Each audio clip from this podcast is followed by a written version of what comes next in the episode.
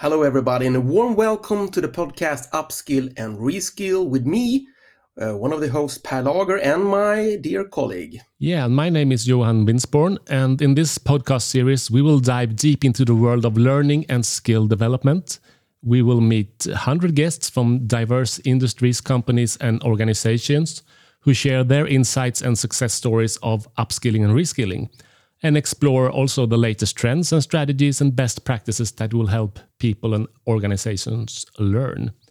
Our guest today is a global and well known company. Pär, which company am I talking about and why are they such an obvious guest in our podcast? Well, today we will meet uh, two fantastic persons from Ericsson, one of uh, the cornerstones of the, of the Swedish innovative success story, uh, uh being um, being a tech leader for, for over 100 years, uh, going up and down, meeting a lot of disruptive innovation, but, but they are still one of the leading organizations in the world. And maybe that's why we are so curious to, to meet Ericsson, to, to hear how they can learn uh, at this fast uh, pace and still be around, even though the competition is just fearful out there in the world. So we are so glad and we are really curious to start this episode of Upskill and Reskill.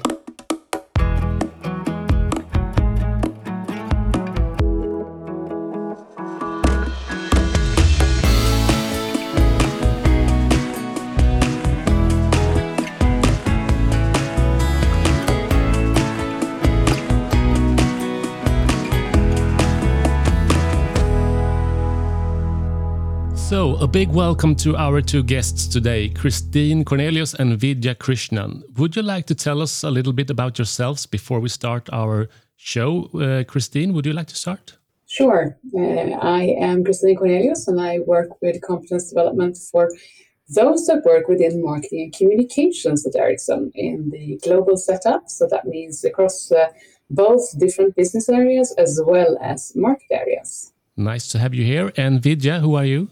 Yes, thank you for having me today. Uh, my name is Vidya Krishnan. I am Ericsson's Global Chief Learning Officer. So I'm very proud to be part of Ericsson's people team. And we care very much about the capability of our people and their growth and the growth of our company.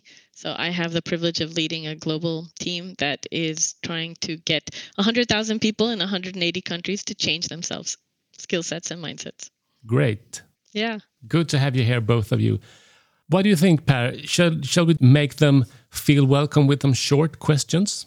Yes, we provide you with uh, short questions. Maybe sometimes we're lucky to get a short answer, but sometimes we're more lucky to get a you know uh, an answer that a little, little more lengthy. So my first question to you, and you can decide who will answer it, is that what is the best example from your experience when it comes to ed tech?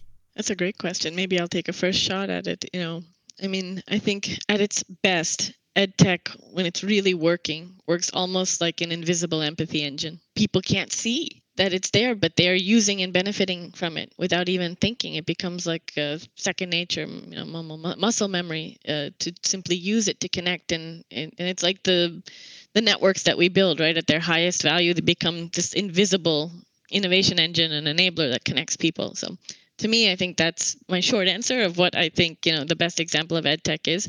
I can say at Ericsson, we're very proud of the um, digital infrastructure that we're evolving in our ecosystem. Uh, it has at its backbone uh, success factors, Degreed, uh, and now Eightfold. So together, these three uh, platforms really are working together uh, in our, you know, people ecosystem and creating more and more capabilities so that our people can connect not just to content, not just to opportunity, but even connect to other people from whom to learn. Fantastic. And then I have another question. Going from tech to a more like analog piece of of equipment, uh, what's the best book on learning? Well, it would be difficult not to say upskilling and reskilling by Pär Lager, of course, when we're in this context. I mean, anything else would be maybe very um, unkind. No, it wouldn't. nothing else. It is a great book, Pär. I think you've done a fantastic job uh, putting it together, and I'm glad to see that it's out in English now as well. So that's helpful, particularly for us in a global organization with people with different languages. That's so nice. And I'm a fan of this book as well. Another one that I'm a big fan of is called Range by Epstein. And I love that it talks about, you know, the, we're in a world where the problem solving environments are no longer kind and sometimes they're extremely wicked. And you actually need a range of skill sets and mindsets that you get from creating these things that look like random, you know, uh, people wandering through their careers. And I have felt like I am such a wanderer. But he talks about how valuable this range is in uh, building together the, both the network and the combined lived experience that helps you tackle some of these challenges.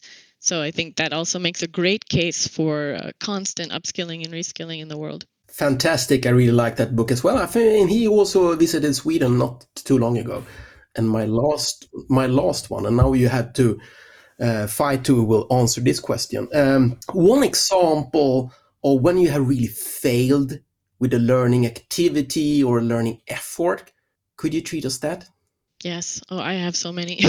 So many.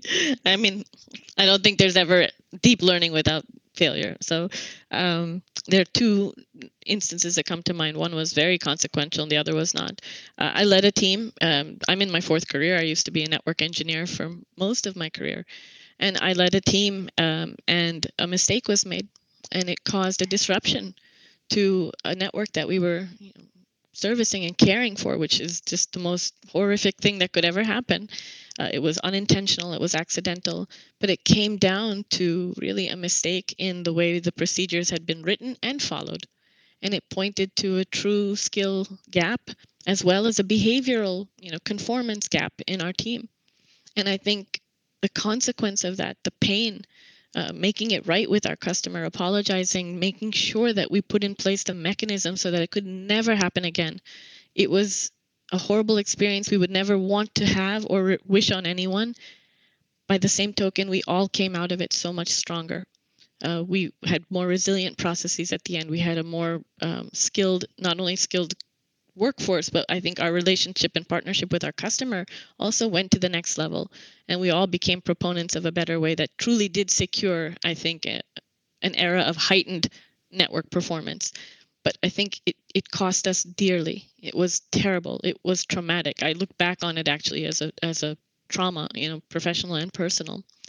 And it showed me what a difference it makes when there is capability versus when there is not. And it showed me that there is a disproportionate impact that you can have from even the smallest capability gap. And so you can never say that you're too busy for that. And that was very life changing and I think that's what actually put me on the path to go into this field the way I did. It was realizing how much extraordinary need and power there was in creating capability for the team and the terrible cost of, of even the best intentioned person falling short because they don't have it. That was one. Uh, second one was I think when it came to things like gamification, I remember one of the teams that I led, we we were just so enamored by it. It was so cool. It was so fun, and we just thought, this is great. Let's let's jump on board and and share it with everybody, and it will just take off. And it didn't take off, which meant to us that you know just because something has a cool factor, and every probably every startup company knows this, just because something has a really nice appeal and cool factor, doesn't mean that it's solving an intrinsic or extrinsic need that justifies the adoption that you wish you would have. You know, we learned the hard way that just because it was cool, just because it worked and it was fun, that wasn't enough to make people adopt it. And we learned a lesson that I still carry to this day. One of the strongest success measures of anything is adoption. And that means you have to create value in such a way that people want it and you have to create value in the adoption process that it's simplified enough that people can adopt it and they find sustainable use and benefit from it and then they stay with it. And so I have come to see adoption as one of the most important success metrics for the work that we do. Ah, thank you for. Would you like to supplement that one, Christine?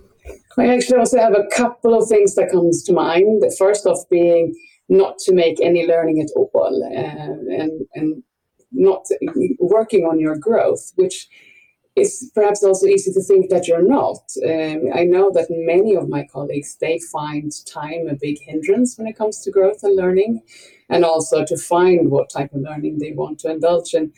And I try to help them to understand that they are actually doing quite a lot already in their daily jobs, which is something that I now see that I also did in my previous job. One of the reasons that I changed into this job that I now have, which is my second career, I used to be in different marketing communication roles. Uh, I felt that I did not have any time to do specific learning or training because there was always so much to do when you were really struggling to deliver what you had to do in your daily job. And then I thought that uh, something working with the competence development and growth specifically would definitely help uh, focusing it on it for my for my own needs as well.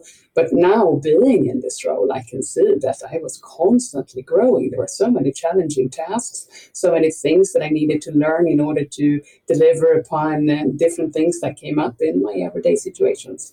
So I think that's a super important lesson for myself as well as for my team to see that we're constantly struggling with new input, new things uh, that we need to adapt to and learn new ways of working or things to do. And the other thing I was thinking about is in, in those instances that we do take a training or do a, a, specific course, which is perhaps a very small piece of actually growth and upskilling. And then it's so important to, to work together with your manager or your team to decide what will I bring out of this or why am I taking this training so that you have an idea on what you will do differently once it's done. You have something to look forward to to change or something that you need help with specifically. Otherwise, quite a lot of those trainings or specific courses, they don't really amount to much in the end. They're a nice thing that happen. You meet new people and you get a little bit of a boost but maybe not the boost that you were looking for in terms of uh, doing things differently at work. So thank you for so much for sharing. Uh, I think we had a kickstart for this uh, this episode, Johan. Uh, but maybe now it's time to drill down in the world of learning. Yeah, it would be nice to learn a little bit more about uh, your view on learning at Ericsson and how you think about how structuring and organizing learning. And my first question is How do you at Ericsson define the learning culture within the organization? What are your guiding lights when it comes to learning at Ericsson? I think the number one guiding light for us is that we must learn our way to a better future. We really believe this and I think we've been living it. You know, I, you said it earlier. We're a 146 year old company. We refuse to act our age. We've been reinventing ourselves, reimagining ourselves from the very beginning, and that has not changed one bit. You know, just the need to do it is more intense than ever. The speed at which we have to do it is more intense than ever. But I think that is the fundamental truth. You know, our our very purpose is to create connections that make the unimaginable possible, and to do that, you have to learn your way to a better future how we learn our way to a better future for us has to also then become systematic and not programmatic. And I think that's the other component of the approach that maybe you could say defines our, our view. We need to be systematic in securing that we have the skill sets and the mindsets, both to win with integrity. And for us, what that really means is that we have to be systematic in our ecosystem, which is the, all the digital landscape of how we make learning easy.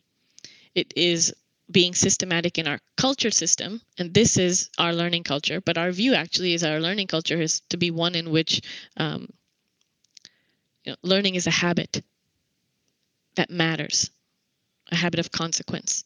And for us as a tech company you know that learning culture is actually the byproduct of a teaching culture and you will you know you'll really uh, i hope resonate with this because you know that fundamentally even in this very digital age people learn from and with one another.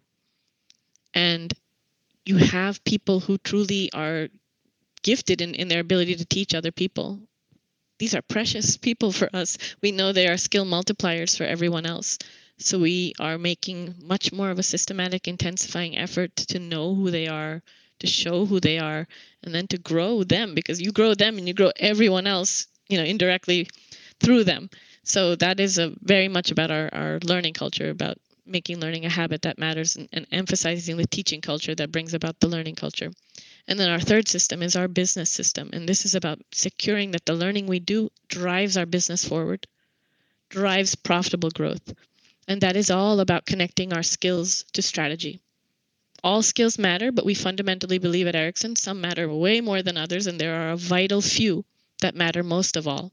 These are the ones where we need to invest the most to achieve a level of speed, a level of scale, and mostly a level of accountability in our business, because these are the skills that are the byproduct of our strategy. If we shift our skills in these areas, we will have the capabilities to realize successfully our growth strategy and it'll grow our people in the bargain.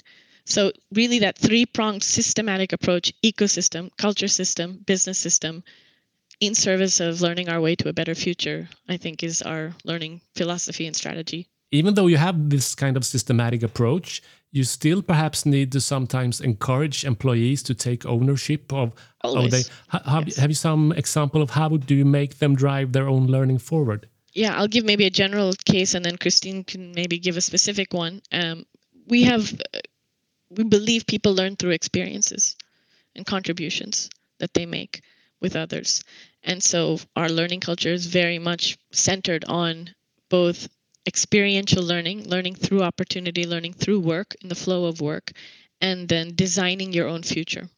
And so that is really a, the name for a suite of platforms and programs through which we are empowering our employees to take ownership for their skill sets and mindsets, not just individually, but with their team, because we really actually feel a team is the unit of work these days. It's definitely the unit of work at Ericsson. And so encouraging our people to design your future and giving them both the tools, which include everything from, as I mentioned, Eightfold, and we have now globally activated this career hub capability in Eightfold, through which people can look for opportunities in the company, vacancies, but also through simple tools like understanding the skills they have and the skills they want to have based on the mega trends, having the tools to talk with their manager and have really generative, formative conversations about their own career pathing. Uh, hearing stories from people like us and, and people all around them about people who've zigzagged through their careers. So that design your future approach is truly holistic and multifaceted. This is really our way of empowering our employees to feel a personal sense of agency to job craft even. And that's another dimension we can talk about later but i think job crafting with critical skills being able to shape the next thing you do and sometimes being able to shape it so that you can do it right from where you are. These are all under this umbrella of design your future Christine, I don't know if you have a specific example, maybe in, in marketing communications of, of of that that you want to share. Yeah, uh, maybe I can talk to you about the competence corner that we have uh, each Tuesday. We have a stand up meeting that used to be a stand up meeting when we were physical. Nowadays we're fully virtual, so it's more of a sharing meeting where we meet up uh, and uh, we share what's been going on lately or what's coming up. It can be anything that uh, has to do with uh, the organization or things, activities that we're doing in the respective areas. And then I have a standing uh, item on the agenda, the competence corner, where I speak for 30 seconds if that is what is allowed at that time, or seven minutes if that's what I have. And I then give them good examples on both some of the systematic things that we're doing, reminding them on upcoming activities that we all either if it's a, mandatory training or if it's a, a specific uh, learning series that we have that we call M&C Skills Boost series that talk about what what's happening now or what has just happened, where can they find this and that. But also, quite often, I use the things that I find in my own scouting of trends and events uh, where I look for what's happened in the surroundings. There's something we need to keep an eye out for. And I share with them different articles or tips that I've seen, particularly if I see trends that come up in, in different blog posts or articles that are kind of building.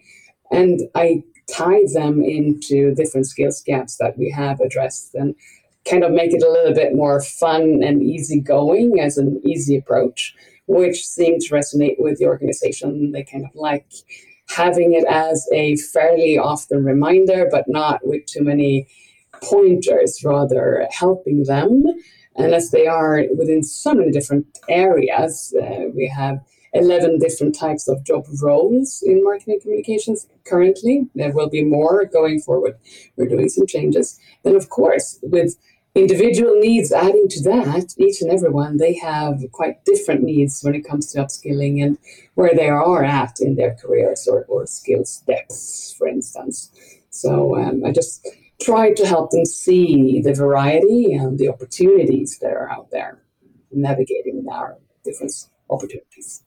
You talk here about your own scouting to see what is happening and what is uh, good and useful for you at Ericsson. Since being such a, a an, an, old company, how do you at Ericsson stay up to date as a company with, with the latest development in and so how, how do you approach that? Do you have a systematic approach to that as well? I think it's both systematic and organic. I think, I mean, we've, as I said, just we have been built on a history of innovation, and I do think we have a tremendous degree of innovation in our DNA.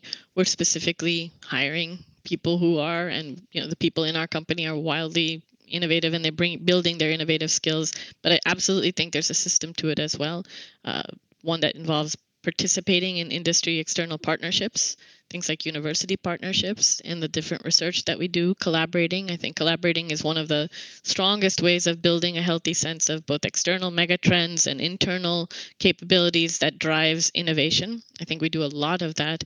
Uh, we make a tremendous investment in, in research and development and that involves everything from building expertise to sharing expertise in the industry um, and cultivating it by examining megatrends and, and um, I would say awesome and curious people. I think that's yeah. part of the recipe.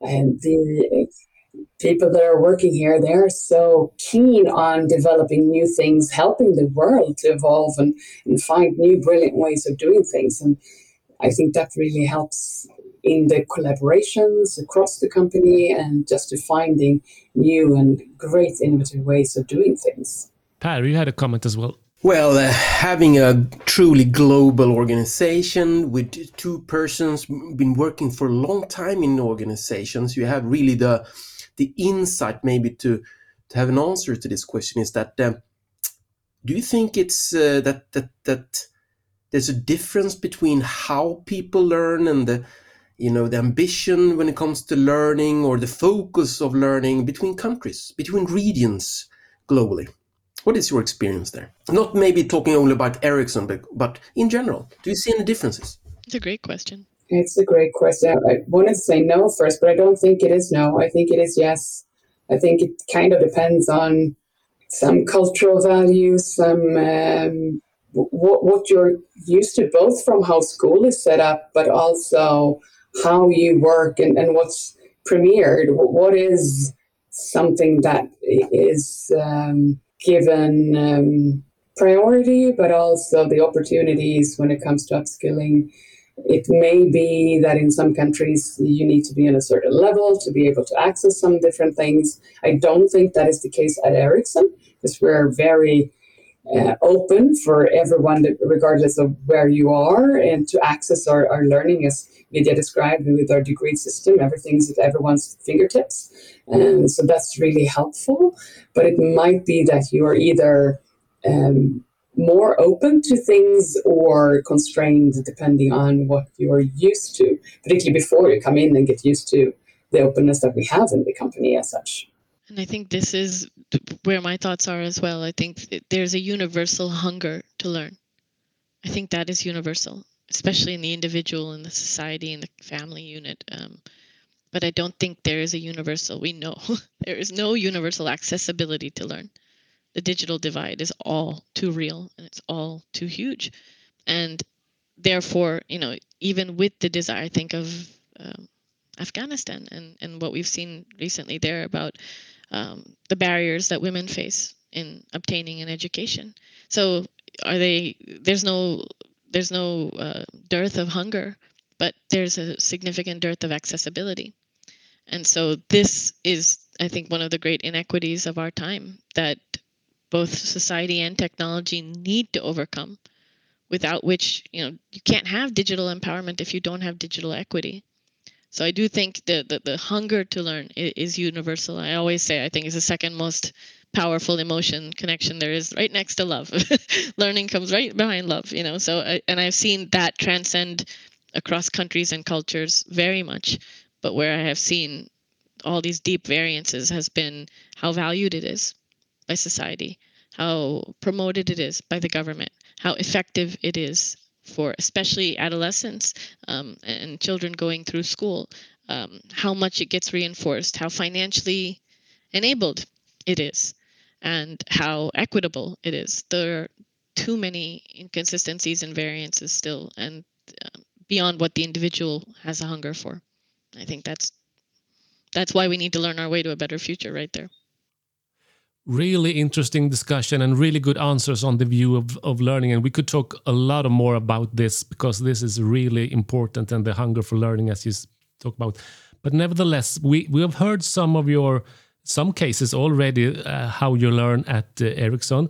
But we have a segment in our uh, show here where we will dive deeper into two specific cases. And Pär you will take the lead on the first one Yes, uh, here we are Execurious, of course. Uh, we try to uh, look for cases to also help you to, you know, to reflect on what you have been doing, what's been working, and maybe even package uh, that insight into a case. So, uh, my question is, who do, would like to start by sharing a case from from you guys? Maybe I can start with um, I think there's two I would like to share. One, going back to the point I made earlier about project based learning. We really believe that this is one of the most powerful mechanisms for people to build not just the intellectual capability, but truly the muscle memory that goes with skill. Skill is not just what you know, it's what you do. So, project based learning uh, for us is super, super valuable. And this has been proven time and again. We have a, a flagship program at Ericsson called GTT, Global Tech Talent. And this is an amazing program that brings together emerging uh, global tech talent from different countries, different units, different businesses. They come together, they form teams, they meet co- almost exclusively in the metaverse, and then they actually work on Ericsson projects, real Ericsson projects, often with a customer facing component that are guided by a mentor uh, or coach. Uh, back to this teaching for Ericsson, uh, that project based learning coupled with someone who essentially teaches for Ericsson and acts as their mentor. And through these projects that last months, they're not short, they're not transactional, they're transformative. And a lot of the skill building happens through the application on those projects. And our participants tell us again and again that they value this very much because they emerge not just with the skills, but with the experience of applying them, and maybe even more preciously with the community of people that they met and formed through those through those collaborations. So I think this program is just one use case that has proven to us beyond a shadow of a doubt that project-based learning is really just almost containerized, you know, mentor-driven project-based learning is is the way of the future for us. The second one I wanted to cover is um, an award-winning program from our sales enablement uh, called Set to Win.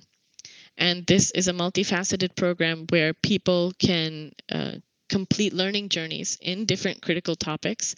And by doing that and um, showing that they have the knowledge and the skill, they earn credentials.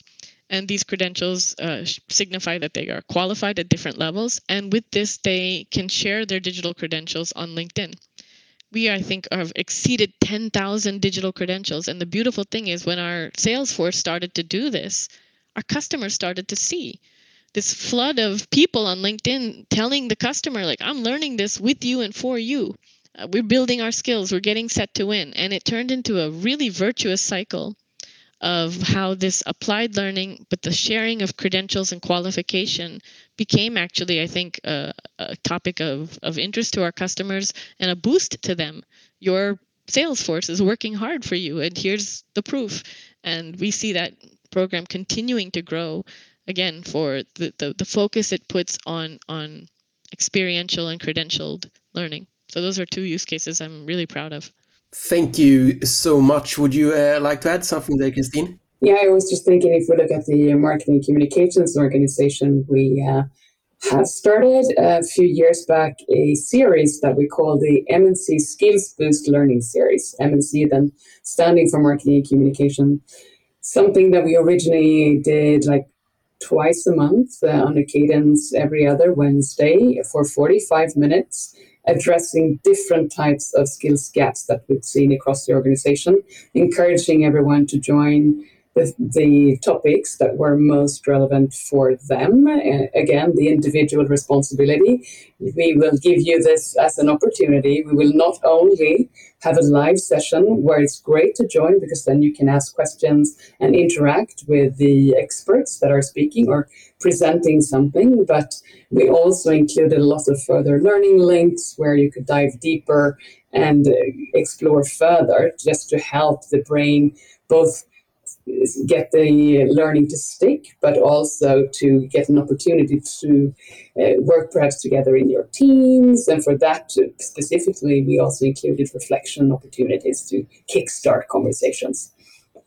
And now we've taken that down to once a month um, to help perhaps people both navigate their schedules, but also for us to focus then. And then I uh, tell the organization. So this month we have a topic on digital things for, in our Digital Future series. So thereby I recommend that you use March as a digital upskilling month. You can use the further learning links and you can dig deeper together in your teams. And then we will switch over in April to analytics, which is the topic that we will uh, do then, and also launch a couple of sessions uh, that are specific to some of the topics within that. Because um, just saying analytics, it's not easy to understand what you will be talking about. It's a broad area. Uh, but that has turned out to be really good. And we've seen, unfortunately, a little bit of a decline in participation. But I think that we had a boost in the beginning when it comes to participation live due to the pandemic. Uh, people were more keen to do upskilling um, originally when they were uh, working from home all the time, and now it's more difficult in a hybrid situation to make uh, the plans that you have to um, do your upskilling on a certain point of time, and perhaps more challenging. Um, but still, we have uh, about 80 people joining uh, each session, which is definitely good enough uh, for us to continue for a while. Plus, people like it, so um, we will continue to do it for some time. Thank you so much for sharing a couple of really great uh, cases there. Uh, it really sparks my mind. But you know, um, working with cases, working with a lot of inspiration, it's also important to do reflection. So, in our podcast, as all of you listeners know, uh, we also have added a time for reflection and helping you to reflect by playing some music. So now it's time for some reflection. One way ticket and a life to live. Pockets full of sunshine, lots of love to give. Longing for your kisses, longing for your arms to be holding me.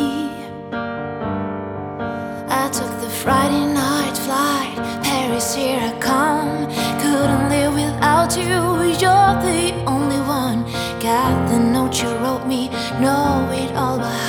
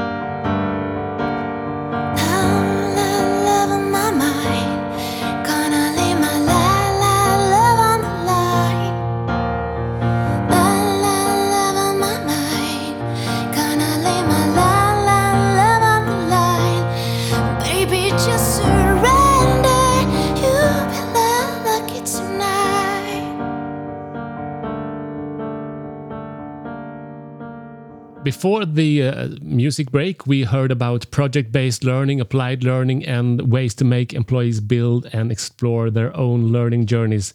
Do you have any other case you would like to share with us today?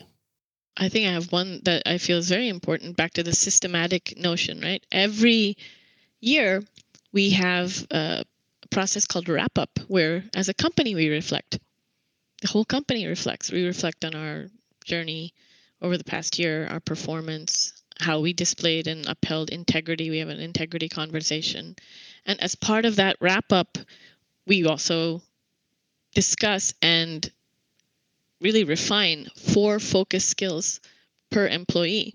And these are skills that are a combination of things the employee would want to work on for their own immediate growth, but also skills that benefit their team and the work that's ahead, but also skills that reflect maybe the next thing that they want to do, which may not be related at all to what they're doing now, and also, of course, as I mentioned, these global critical skills that we define the short list of skills that's connected to our strategy. So, with all those influences, we ask each employee as part of the wrap up process to designate those four focus skills. And back to Degreed, they can they can specify those four focus skills in Degreed. Doing that codifies to the AI in the platform this employee cares about these skills. So I'm going to start pushing to that employee content and courses and articles and videos related to those skills. And it asks each employee to say, where are you in your current skill journey? You know, uh, what level are you at of skill proficiency? And, you know, you have an ambition for where you want to get to across the coming year. And I think that is a very nice thing. We're having more and more people discover that they can do this and, and use the reflection time that is in wrap up to reflect as well on the four skills they want to focus on. I think this is the mechanism, if you will, of securing that people are prioritizing their own skill journeys in the year ahead. It sounds as it also is a way to actually make the employees feel that their skills, how it, it relates to what the company needs as a whole, and see the connections. Oh, yes. I mean, the skill intelligence we get by taking an inventory collectively that, okay, look, everyone is saying that, for example, storytelling is a critical skill they want to get better at. And Christine mentioned a really critical one we see, which is data analytics. Uh, that one we see trending very highly across the company. Another one is stakeholder management. So many people are choosing these as their focus skills. And that tells us about the kind of enablement we need to do, the kinds of both programs we need to offer, but also project based specific learning journeys we need to make available and what we need to do to build those skills in our people so that they can seize the next opportunity. So it's also a pulse, if you will, on our on our company to see what's trending in terms of what people want to, to build. You're very right about that. And talking about wrapping up, when you're talking about these interesting discussions, we are almost at an end with this uh, show. But before we uh, end up, we would like to give you some more short questions, and not so much questions, but perhaps uh, some uh, phenomena that we would like you to give your thumbs up or thumbs down to. And I would like to ask Christine first. Chat GPT, thumbs up or thumbs down? Thumbs up. Why?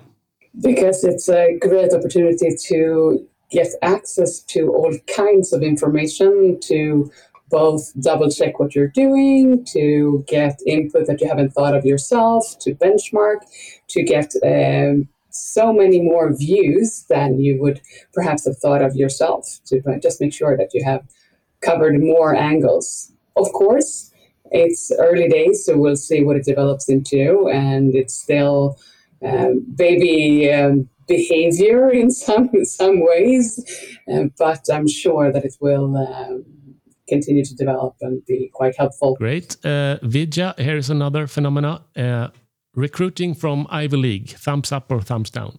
uh, as somebody who came from the Ivy League, I can tell you that there should be no thumbs involved because recruiting from anywhere is what we want to do. I think uh, there are deserving people who come from the Ivy League, and there are equally deserving people who don't. And uh, a company would be blind to focus on on on recruiting anyone simply because of where they come from. Uh, and I know that more than anyone, as somebody who went through an Ivy League education and struggled at every moment of it and needed so much help from an amazing village of teachers.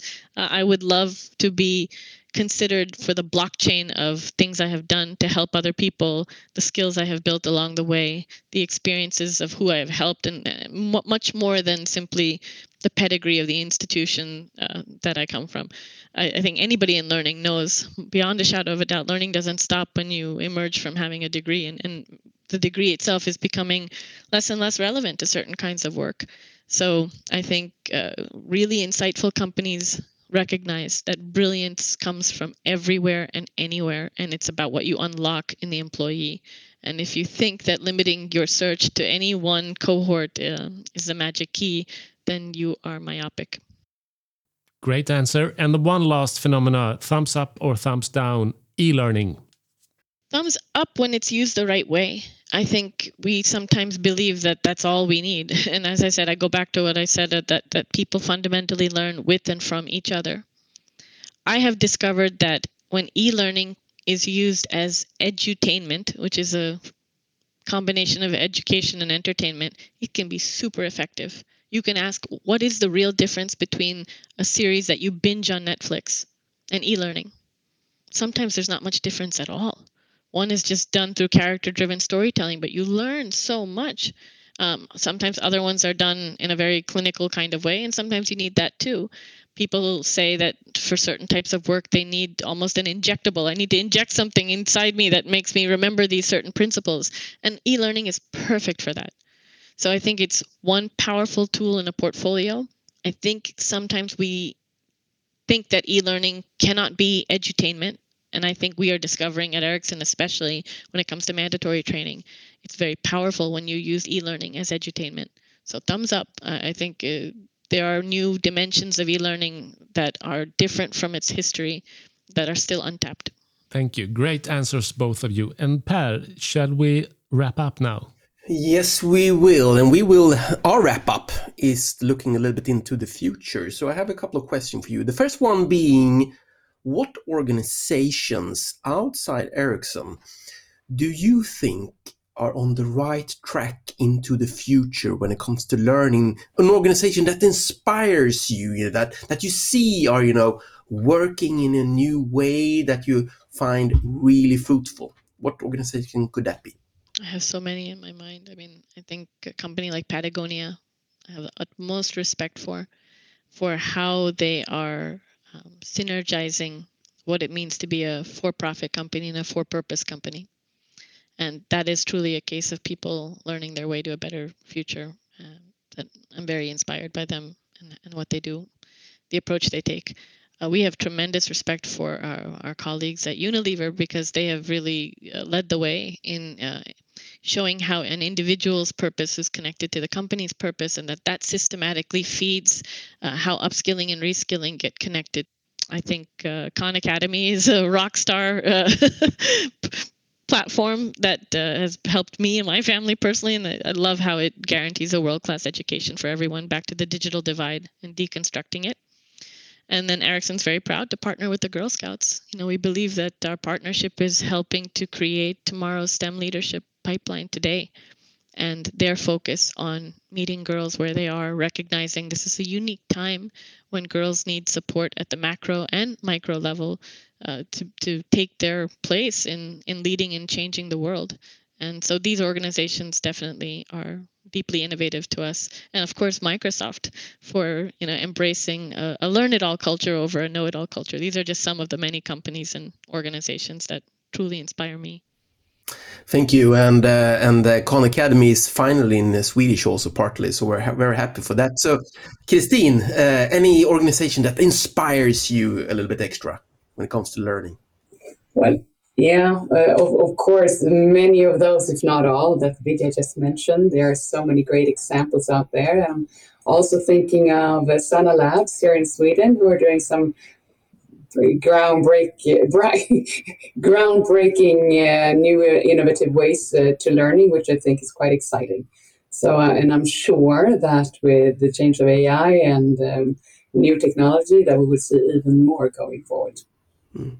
And I have a final question. Uh, so, being a little bit personal now, not private, only personal, is that.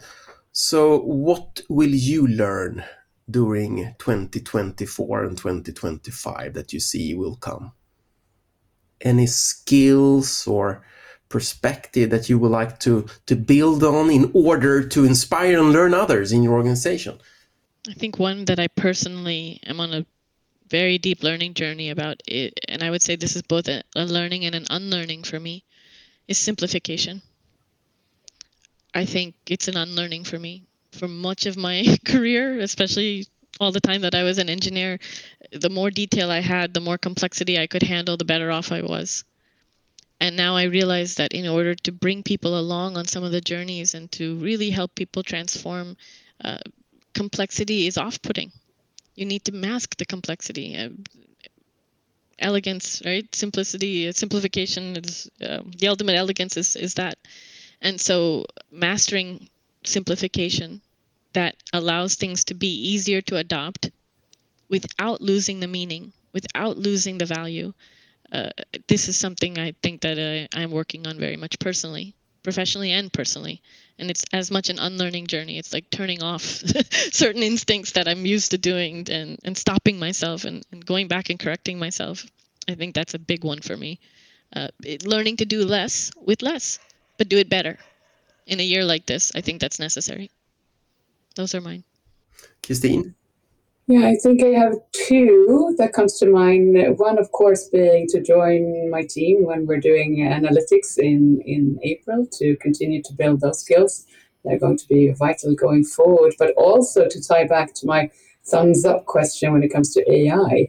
Um, one of my uh, scouts um, that I've seen when it comes to trends and events and ChatGPT in particular is that uh, I've seen several columnists and in webinars, experts have been saying that for some time we've been worried that we might be replaced by AI, but that is not what's going to happen. However, we might well be replaced by someone who understands AI.